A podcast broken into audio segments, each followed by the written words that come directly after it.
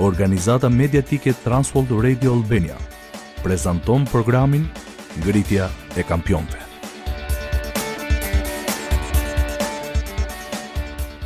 E di, kur m'u divorcuan prindërit s'e kisha idenë sa shumë lëndime dhe frikë do të merrja me vete edhe kur u rrita. Ndaj u zotova që s'do t'ua bëja kurrë këtë gjë fëmijëve të mi. Kurrë s'do t'ua bëj këtë gjë fëmijëve të mi. Kurrë s'do të dehem dhe s'do ta rrah gruan. Kurrë s'do të kem aq borxhe sa të shes shtëpinë. Kurrë s'do ta shkatërroj martesën nga lidhjet jashtëmartesore. Kurrë s'do të punoj aq sa të anashkaloj fëmijët. Miku im, a ke dhënë premtime të tilla dhe e ke patur të vështirë t'i mbash? S'je i vetëm. Sot në Ngritja e Kampionëve do të shohim ata që i quajmë luftëtarë të plagosur. Këta janë burra që e duan Zotin dhe duan të jenë burra të fortë për Zotin. Por plagët e marra nga kjo botë e rënë i kanë bërë që të lëkunden, ose të vënë në dyshim faktin se mund të jenë dopak të dobishëm për Perëndinë. Burra si unë dhe ti. Unë jam Albani dhe pas siglës do të kthehemi sërish me Pjerinin për të diskutuar se si Perëndia mund të na i shërojë plagët dhe të na përdorë për përparimin e mbretërisë së tij.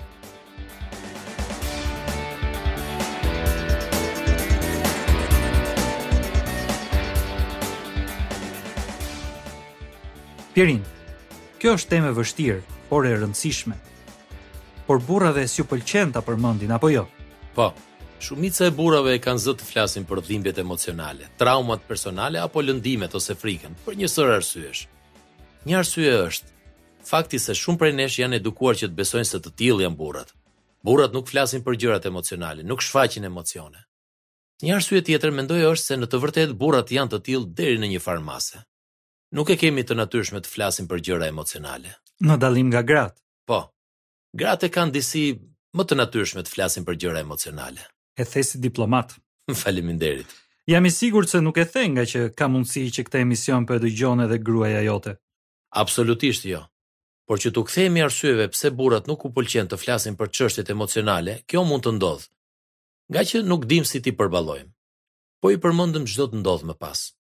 Ose besojmë se po të flasim për plagët tona do të dukemi të dobët, më pak burrërorë.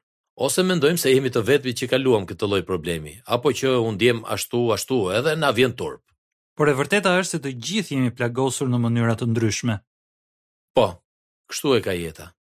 Por nëse s'përballemi me plagët, s'kërkojmë vazhdimisht shërimin e tyre, mund të na ndodhin disa gjëra të këqija.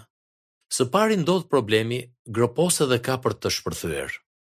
Kur përpiqemi t'i anashkalojmë plagët, t'i groposim ose t'u fshihemi, në vend që të përballemi me to, problemet nuk kanë për t'u zhdukur. Ato grumbullohen me kalimin e kohës, si ajo tullumbacja që mbushet me ujë, herët a vonë tejmbushet edhe shpërthen. Dhe meqë përdore shembullin e tullumbacës me ujë, kur ajo shpërthen, lagen të pafajshmit. Po. Edhe fatkeqësisht njerëzit nuk goditen nga uji, por nga zemërimi, apo abuzimi ynë emocional ose fizik. Dhe problemi i dytë është po aq i keq. Kur nuk i shërojmë plagët, i përsërisim. Ç'do të thuash me i përsërisim plagët? Në librin e tij Çdo burrë është një luftëtar, autori Lonnie Berger na jep një shembull. Shkruan për një burrë që quhej Tony. Ai ishte rritur në një familje të krishterë, por gjithmonë mendonte se babai donte më shumë vëllanë më të madh, Jack-un. Gjatë rritjes së Tonit, i ati dukej sikur parapëlqente më shumë të vëllanë, Jack-un. Tonit i dukej sikur sado të përpiqej ose çfarëdo të arrinte në jetë, I ati do të gëzohej vetëm nga arritjet e Xhekut. Kështu me kalimin e kohës Toni filloi të besonte këtë mendim. Toni, ti s'je për gjë. Dhe këtu e kam fjalën kur them përsërisim plagët. Kur u rrit Toni ishte gjithmonë kritik për veten dhe për ata që e rrethonin. Në punë gjithmonë ua vinte njerëzve në dukje të metat. Në familje Toni kishte tre fëmijë, dy vajza dhe një djalë. I donte të tre, por me të birin ndihej i zhgënjyer dhe shpesh e kritikonte.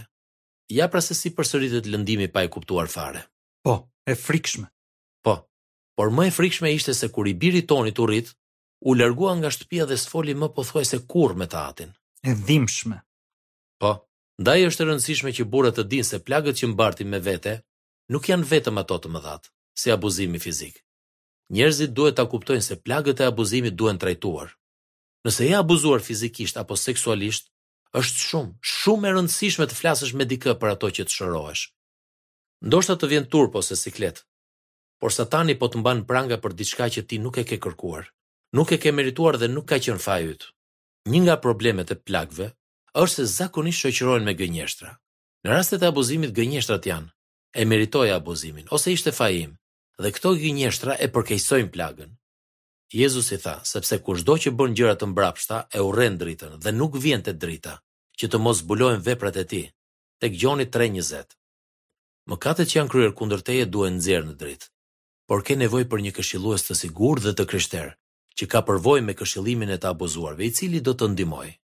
Miku im, nëse kjo të ka ndodhur dhe ty, të lutem merr masat që të çlirohesh nga barra që po mbart. Po flasim në ngritja e kampionëve, Unë jam Albani dhe po flas me Pierinin për luftëtarët e plagosur, për ata burra të Perëndisë që po vuajnë nga plagët e së kaluarës. Pierin, ti the se edhe pse abuzimi është i tmerrshëm, nuk ka pse të bëhet një plagë e dhimbshme. Po. Plagët vijnë edhe nga ngjarje lënduese, ose marrëdhënie të dhimbshme. Sapo tregova historinë e Tonit që mendonte se nuk vlente fare për shkak se mendonte që i ati preferonte më tepër vëllanë e madh. Në këtë rast nuk pati abuzim. por kjo plagë e pashëruar e bëri që më vonë të humbiste të birin. Po si të shërohemi, Pierin? Çfarë mund të na ndihmojë që t'i mposhtim këto plagë? Le të shohim pesë gjëra që na ndihmojnë t'i mposhtim plagët emocionale. Një, është të pranosh se ekziston problemi. Nëse ke kujtime momentale ose e rijeton vazhdimisht traumën, ndoshta je gjithmonë i tensionuar, ke shpërthime zemërimi, këto janë shenja se ekziston një problem, një plagë. Mos u shtir më sikur ajo s'ekziston. apo se mund të largohet vetvetiu. Mos bëj të fortin. Kur i mohon plagët, jo vetëm që lëndon veten, por edhe të tjerët. Dhe s'është e drejtë që të vuajnë edhe ata. Gjëja e dytë që na ndihmon për të mposhtur plagët, është të pranosh se s'je i vetmi që ke plagë. Prirja është të mendosh se je i vetmi që ke kaluar këto probleme. Por edhe Bibla ka shembuj të njerëzve me plagë. Këtë e shohim në historinë e Jozefit në Dhjatën e Vjetër.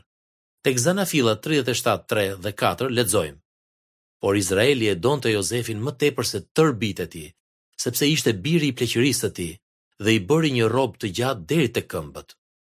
Por vëllezërit e tij, duke parë që i ati i tyre e donte më tepër nga të gjithë vëllezërit e tjerë, filluan ta urrejnë dhe nuk mund t'i flisnin në mënyrë miqësore.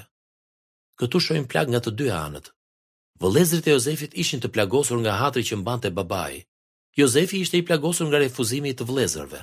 dhe ato plagë të pashëruara bënë që vëllezërit të përpiqeshin ta vrisnin Jozefin. Plagët e pashëruara mund të kenë efekt të fuqishëm në ne, siç e pamë në historinë e Jozefit. Shumë shembuj të tjerë ka jo vetëm në Bibël. Edhe në grupin e burrave apo në ekipin tënd drejtues, apo në ekipin e sportit ke burra të plagosur. Vetëm se burrat s'ia tregojnë askujt. Gjëja e tretë që na ndihmon të mposhtim plagët është t'ia rrëfesh lëndimin Perëndisë. Tek një i Pjetrit pesë, shtatë, thotë, Jepja të gjitha shqetësimet dhe preokupimet Perëndisë, sepse Ai preokupohet për ty. S'ka rëndësi sa e thellë apo e turpshme është plaga jote. Ndoshta ti e di se i ke shkaktuar plagë dikujt tjetër dhe kjo është plaga jote. S'ka rëndësi. Të gjitha shqetësimet dhe problemet duhet t'ia japim Perëndisë. Kjo është një tjetër arsye pse koha e qetë dhe e përditshme me Perëndinë është kaq e domosdoshme. Ti duhet të kesh kaq marrëdhënie të thellë me Perëndinë sa t'ia rrëfesh dhe mendimet më të thella. Dhe e di çfarë? Ai e di këtë gjithsesi. Asgjë s'ia fsheh dot atij. Çuditem që kemi nevojë t'ia kujtojmë vetes këtë gjë. Po cila është gjë e katërt që na ndihmon për shërimin e plagëve? Qëndro mbi të vërtetën e Perëndisë. Më herët në këtë seri emisionesh kemi folur për rëndësinë e mësimit të vargjeve përmendësh. E vërteta e Perëndisë mund ta shtypë gënjeshtrën e Satanit, nëse e njohim. Kur Satani thotë ti je i pavlerë, Fjala e Perëndisë thotë në Psalmin njëqind e tridhjetë e nëntë vargu shtatëmbëdhjetë, Sa të vyera janë mendimet e tua për mua, o Perëndi! Ato janë të panumërta, as s'i numëroj dot. Ose nëse të thotë ti s'bën dot asgjë siç duhet, e vërteta e Perëndisë thotë, Unë mund të bëj gjithçka me anë të Krishtit që më forcon, tek Filipianët katër trembëdhjetë. Njohja dhe zbatimi i së vërtetës së Perëndisë në jetën tënde është ndihmë e jashtëzakonshme për mposhtjen e plagëve. Pra pasi kemi pranuar se kemi një problem, e kemi pranuar se s'jemi të vetmit, pasi ia kemi rrëfyer plagët Perëndisë dhe kemi qëndruar mbi të vërtetën biblike, jemi gati që ta ndajmë barrën me njëri-tjetrin. Kjo ishte gjëja e pestë. Tek Romakëve dymbëdhjetë pesëmbëdhjetë thotë, Gëzohuni me ata që gëzohen, vajtoni me ata që vajtojnë. Që të kemi llogaridhënie me njëri-tjetrin si burra, Duhet të jemi të gatshëm që t'ia tregojmë dhe t'ia dëgjojmë barrën njëri-tjetrit. Por kur dikush të na rrëfejë diçka nga zemra, veçanërisht kur është plagë, mos harro Jakobin një, nëntëmbëdhjetë, Çdokush të jetë i shpejtë në të dëgjuar dhe i ngadalshëm në të folur. Shpesh mënyra më e mirë për ta ndihmuar atë që na rrëfen diçka është të mos themi asgjë, ose të themi vetëm, Më vjen keq që ke kaluar këtë situatë. Unë mendoj se edhe ruajtja e sekretit është e domosdoshme. Absolutisht po. Rrëfimi ndërtohet mbi besimin. Burri e ka shumë të vështirë të tregojë diçka që mendon se mund ta bëjë të duket keq. Prandaj ajo që thuhet në grup, duhet të mbetet në grup. Por ia vlen t'ia rrëfejmë plagët njëri-tjetrit. Kjo është pjesë e domosdoshme e shërimit. Mirë, Pirin, le të përsërisim ato që thamë sot. Shumë burra janë luftëtarë të plagosur. Përpiqen në maksimum t'i shërbejnë Zotit, gruas dhe fëmijëve. por plagët që kanë marrë gjatë rritjes ndikojnë në mënyrën si reagojnë sot. Treguam se plagët janë të zakonshme, pasi jetojmë në një botë të rënë, por duhet të hedhim disa hapa drejt shërimit. Këto hapa ishin: Prano që ke një problem. Prano se s'je i vetmi që ka plagë.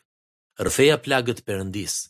Qëndro mbi të vërtetën biblike dhe rrëfejani barrët njëri-tjetrit. Dhe këto hapa janë të rëndësishëm, por detyra jonë parësore është të mbështetemi në Jezusin.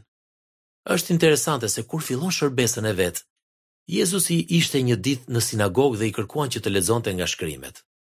Ai lexoi nga Isaia gjashtëdhjetë e një. Fryma e Zotit Perëndi është mbi mua, sepse Zoti më ka vajosur që t'ua sjell lajmin e mirë të varfërve. Ai më ka dërguar që të shëroj zemërthyerit dhe t'u shpall lirinë robërve. Miku im, mos ji më rob i plagëve të tua. Hidh hapat që ta nisësh sot procesin e shërimit. Faleminderit, Pjerin. Miku im, shpresoj se ky emision të ka inkurajuar. Është e vështirë që luftëtari i plagosur të japë maksimumin në betejat e jetës, Ndaj shpresoj se do t'ua vësh veshin fjalëve të Pjerinit dhe do të gjesh dikë që të ndihmojë në shërimin e plagëve të tua.